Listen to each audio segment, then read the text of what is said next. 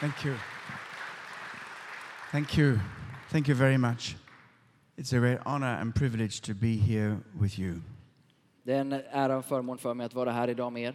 And um, wow, has it been that long, huh? Har det verkligen hållit på så här länge? It's interesting how, how time flies so, so quickly. Och att tiden springer på så fort. And um, what uh, you have done here, Paul and the team, Teresa and others, is uh, really wonderful. Em, Vad ni, och vad ni har gjort här, Paolo och, och Therese och ni andra i teamet här är, är fantastiskt. Somebody said there's no limit what God can do through the person who is fully committed to Him. Eh, och någon sa att det finns ingen begränsning vad Gud kan göra genom någon som är fullt och helt överlåten till Jesus. And I, I want to address particularly the graduating students today. Och jag har ett budskap, och i synnerhet specifikt för er som tar eh, examen idag. Jesus said, Jesus sa, To the one who has been given much, from that person much is required. för den som har blivit given mycket kommer att hållas i räkenskap för mycket. It has always been a, a kind of scary statement of Jesus for me personally. Och det där har varit ett, ett, ett påstående som har faktiskt skrämt mig eh, när Jesus säger det. Because I have been given so much, För jag har blivit given så mycket, so many opportunities, så många tillfällen so many resources och mycket resurser. to have a sizable church ministry behind you, Att ha en stor församling med tusentals människor bakom good team members. och ett bra team. And it's scary to think that Jesus is saying, I have put so much in your hands. Och det skrämmer mig att tänka på, han har gett mig så mycket i mina händer. Now I require much from you. Nu står det också räkenskap för mycket. And in a real way, this applies to every single one of us. Och i verkligheten så är det tillämpbart på var och en av oss här. The Bible says, Of his fullness we've all received grace upon grace upon grace upon grace. Bibeln säger att i hans fullhet så har han gett oss nåd utöver nåd, utöver nåd, utöver nåd. And because we have received so much, we know that the Lord Jesus is going to ask much from every single one of us. Och eftersom han har gett så mycket så kommer han också hålla oss i räkenskap, var och en av oss. It is of the very nature of grace that we cannot repay it. Det ligger i nådens natur att vi kan aldrig tillba- eh, beta- eh, betala tillbaka. There is nothing that we could ever do that would pay back Jesus one single krona Det for what he's done for us. finns ingen möjlighet att på något sätt betala tillbaka eh, för det han har gett, inte en endaste krona. Nevertheless, we are indebted to him. Och ändå så står vi i skuld till honom. And it's very important to pay your debts. Och det är viktigt att tillbaka, tillba- betala tillbaka sina skulder.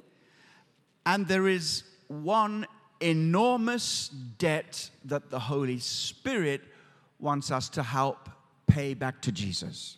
Och det finns en särskild skuld som den helige ande vill hjälpa oss att tillbaka, till, betala tillbaka till Jesus. It is the debt of gratitude. Och det är tacksamhetsskulden.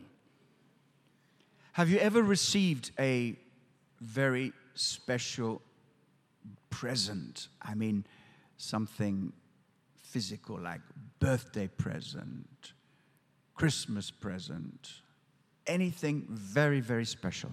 Om du har tagit emot en, en väldigt viktig gåva, en väldigt fin gåva såsom en födelsedagspresent eller en julklapp, en, en betydelsefull gåva. And it's a gift. Och det är en gåva and you receive this gift so precious and, and you don't know what to say. Och, och du tar emot den här gåvan och, och du, du förstår värdet och du vet inte vad du ska säga. You're, you're overwhelmed. Du är, du är tagen. I'm not talking about that Christmas present from your auntie who gives you something you don't really Nu pratar jag need. inte om den där eh, eh, fasten som ger dig det där som du verkligen inte behöver. And you're very, very polite because you know it's given in love. Och du är ju väldigt trevlig och artig och du vet att det kommer utifrån kärlek. That purple jumper with pink stripes. Och den där eh, lila tröjan med rosa streck på. And you open it up and you look at it and you say, Oh, Auntie, thank you, Oh, but you shouldn't have. No, you really shouldn't Och have. du öppnar den och du tittar på den. Åh, tack ska du ha. Det här behövde du verkligen, verkligen inte ge mig. Every gift is precious. Varje gåva är eh, värdefull. But there are some things that are so precious, so valuable, so meaningful that all you can do is say, I'm overwhelmed, what can I say? Men så finns det de här gåvorna som, som är så värdefulla att när du tar emot dem så det, det enda du kan säga är jag vet inte vad jag ska säga. All you can say is, Thank you, Eller så kan du säga tack, thank you. tack. And that's the debt of gratitude. Det är den tacksamhetsskulden som jag pratar om.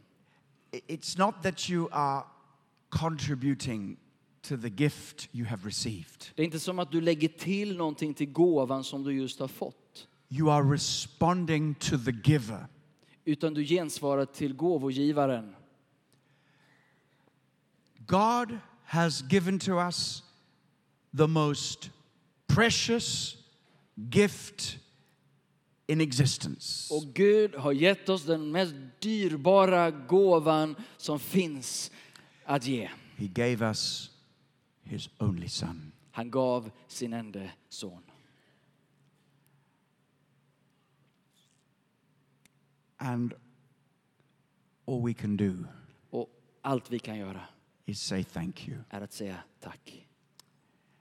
I want to share with the graduating students three ways of saying thank you to Jesus to discharge your debt of gratitude. Och jag skulle vilja idag, med särskild hänsyn till eleverna, dela tre sätt som du kan visa din tacksamhet. The Och på first så sätt också lösa upp din skuld. the first has to do with the call of God upon your life. Det första har med din kallelse att göra. Romans chapter 1, verses 14 to 15. Romarbrevet 1, kapitel 1, vers 14 och 15. Paul says, I am obligated both to Greeks and non Greeks, both to the wise and the foolish. That is why I am so eager to preach the gospel also to you who are at Rome. Både mot greker och barbarer, både mot lärda och olärda har jag skyldigheter. Därför är det min önskan att få predika evangelium också för er i Rom. The Apostle Paul knew a very clear and outstanding call from the Holy Spirit in ministry.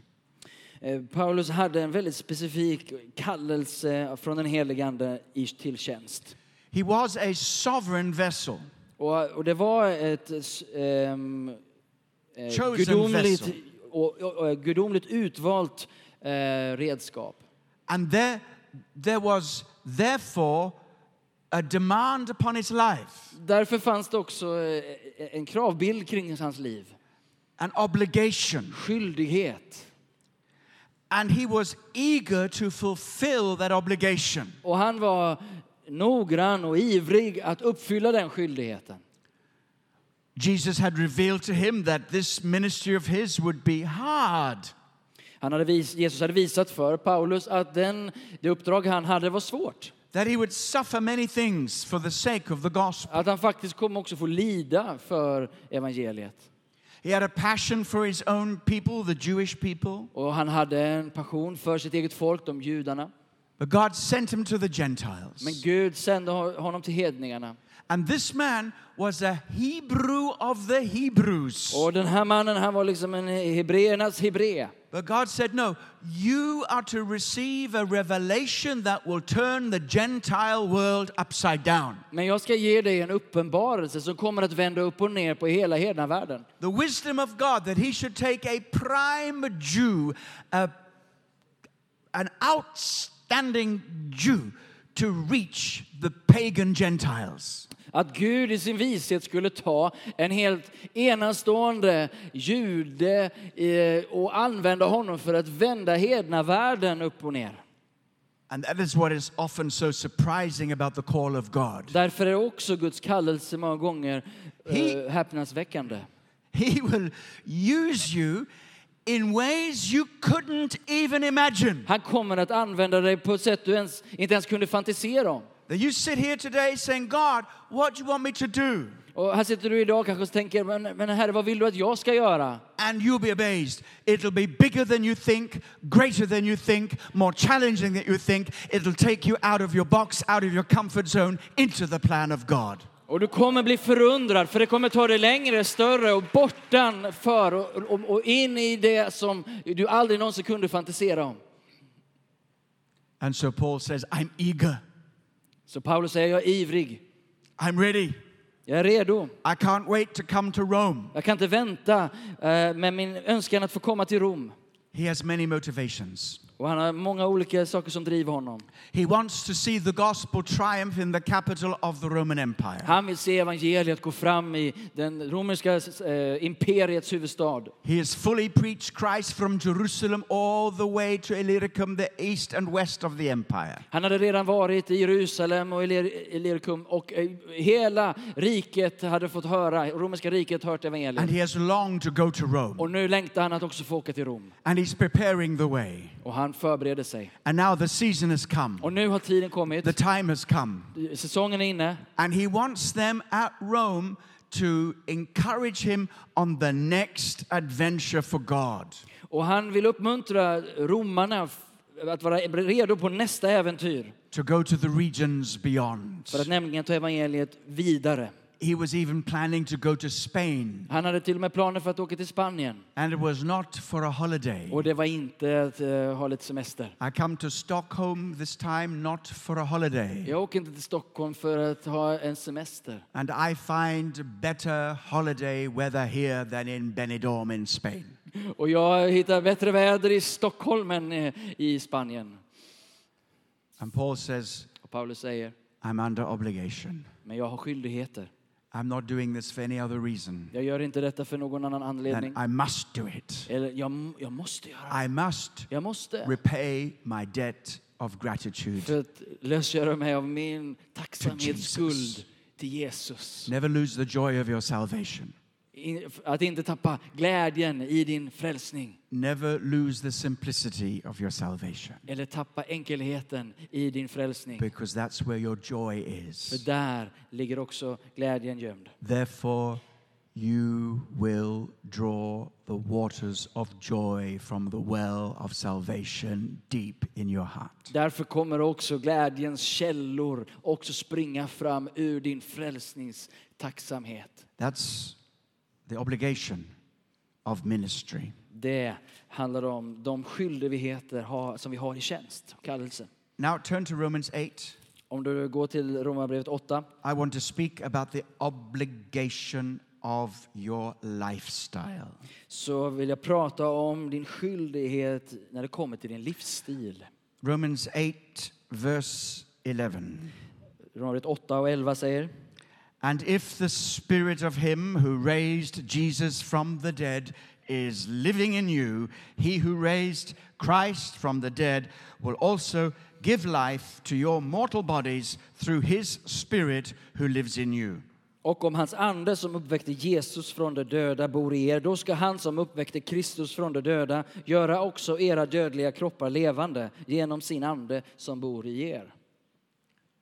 Then verse 12 says, Therefore, I vers 12 står det, vi har alltså skyldigheter. meaning if you knew who you were, Alltså, om vi vet vem vi är and what God has done for you och vad Gud har gjort för dig and what God has in store for you, och vad han också har framför dig, you will know that you are obligated, så förstår du att du har skyldigheter constrained by the Holy Spirit i den helige Ande to live in a certain way. att också leva på ett visst sätt. So, verse 12 says, I vers 12 står det. Therefore, brothers, we have an obligation, but it is not to the flesh, the sinful nature, to live according to it. Vi har alltså skyldigheter bröder, men inte mot vår onda natur så att vi ska leva efter köttet. So, if he says you have an obligation not to the flesh, Om det nu står att vi har skyldigheter inte mot köttet, he clearly means you have an obligation to the Spirit of God. så har vi motsatt alltså en skyldighet till den heliga Ande. And if you read all this in context, Och om vi förstår det här i sin kontext, and every graduate of EBL will tell us the context of this passage. och alla som nu då graduerar utifrån IBIOS, en IBIOL, förstår att vi måste till kontexten. He is saying Han that säger you are obliged att vi har skyldigheter to be led by the Holy Spirit. att vara ledd av den heliga Ande. And there is here a rich vein, a rich flow, a rich revelation, theological revelation in this passage. Det finns en ådra, ett flöde, en teologisk uppenbarelse i och genom den här versen. And it's the secret of living a holy life before God. Och det här, här ligger hemligheten bevarad för att kunna leva ett heligt liv inför Gud. Don't follow the desires of the flesh. Följ inte köttets onda lustar, Follow the impulses of the Holy Spirit. utan följ den andens impulser i dig istället. Be led by the Holy Spirit. Var ledd av den heliga Ande. And if you are surrendered to the Holy Spirit Och om du har överlåtit dig till den heliga Ande and follow the Holy och Spirit, följer den heliga Ande, first of all, in the lifestyle, the way you live for God, först genom den livsstil och det sätt som du lever för Gud, then you will produce such wonderful fruit. så kommer också din frukt att vara så underbar Your life will be transformed, att ditt liv kommer bli förvandlat. not instantly. Inte i ett nu. You don't plant cucumber today and eat cucumber tomorrow.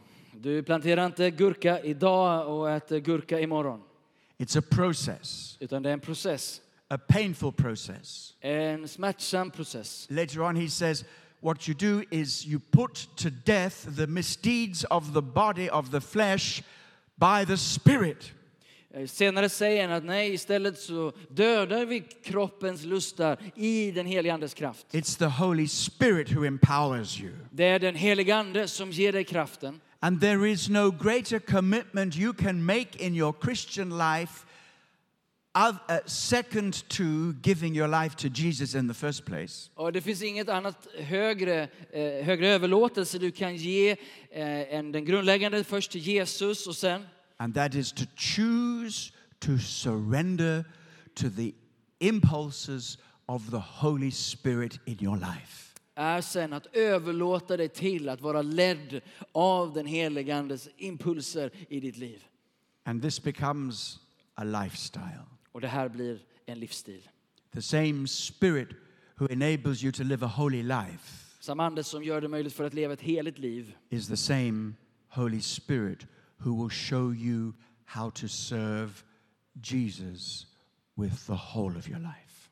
är också samma ande som eh, visar dig hur du kan tjäna Jesus hela ditt liv. And then the final debt, Och den sista skyldigheten vi har, Romans chapter 13 and verse 8. Romarbrevet kapitel 13, vers 8.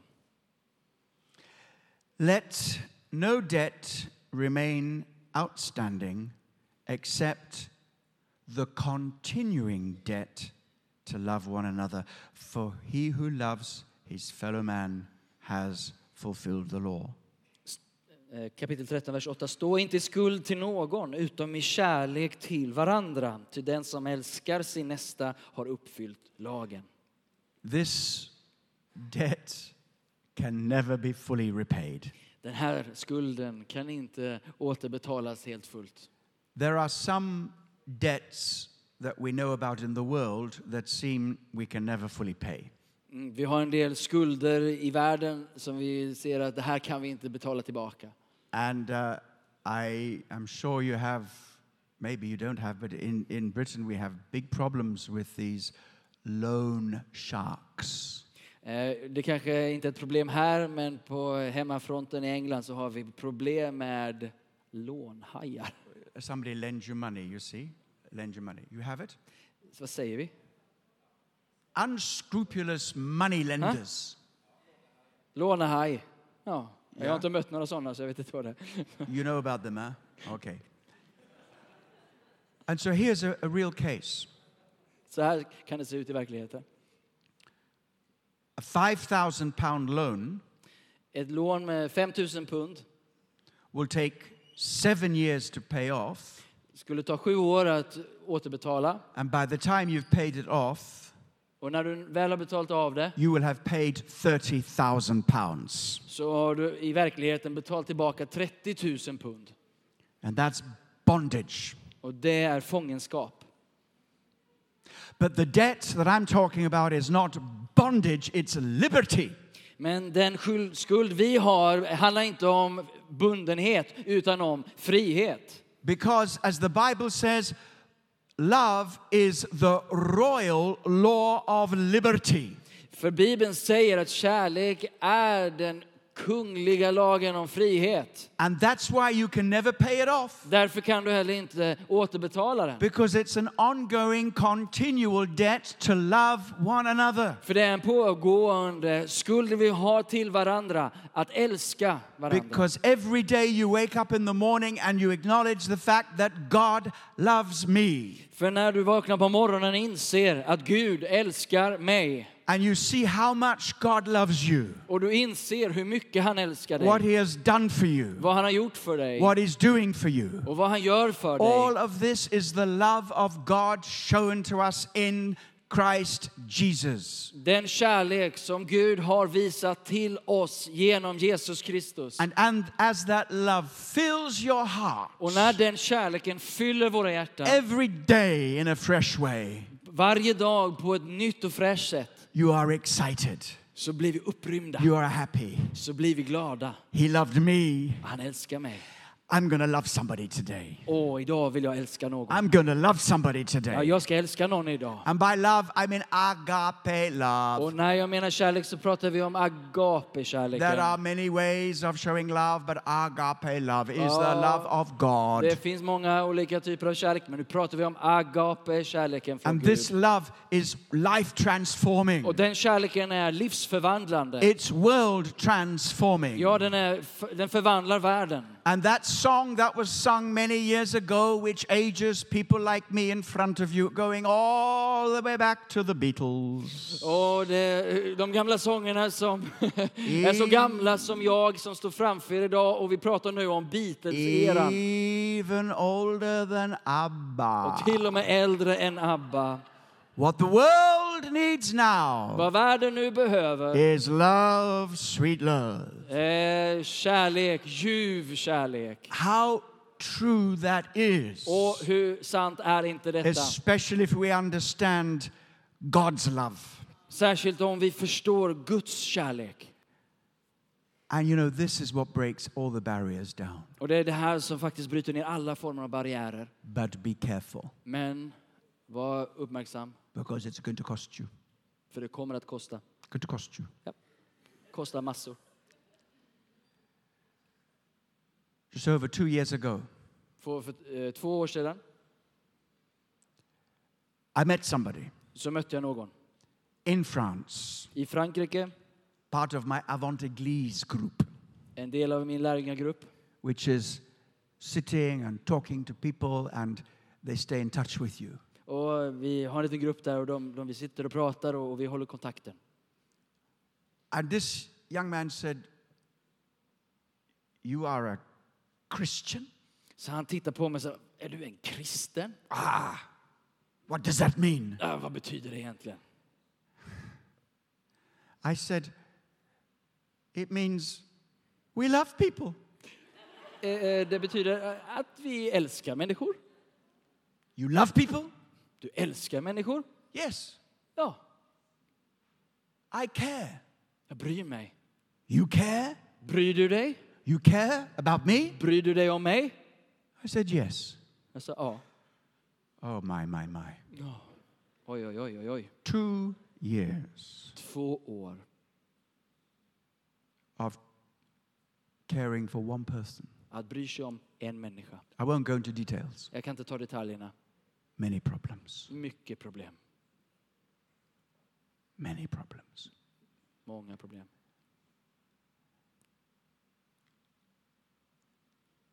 Every single day, Varenda dag I speak. I speak så talar jag. sometimes two hours a day Ibland tar det två timmar om dagen for two years. i två år. I have been on suicide watch many times. Och många gånger så har jag liksom suttit med eh, självmords liksom, vakan. You know, suicide amongst young people is the biggest cause of death amongst men under the age of 45. Du kanske känner till att den, en av de största, den största dödsorsaken bland män under 45 är själv, eh, självmord. But if you say you care, Men om du, känner, om du säger att du bryr dig you better mean it. så behöver du också mena det. I don't know any better word to give you people Jag vet inte något bättre att säga här idag, mina vänner, than to care, än att bry sig. really care. Att verkligen bry sig. And if you do, Och om du gör det it'll cost you, så kommer det också kosta but dig it's något. worth it Men det är värt det. because we're showing the world the love of Jesus. För vi visar världen Kristi kärlek. Your debt in ministry, your debt in lifestyle, and your obligation to love as Jesus loved. God bless you and use you in Jesus' name. Amen and amen. Din skyldighet i din kallelse, i din livsstil och i att älska så som han älskar. Gud välsigne er och tack så mycket.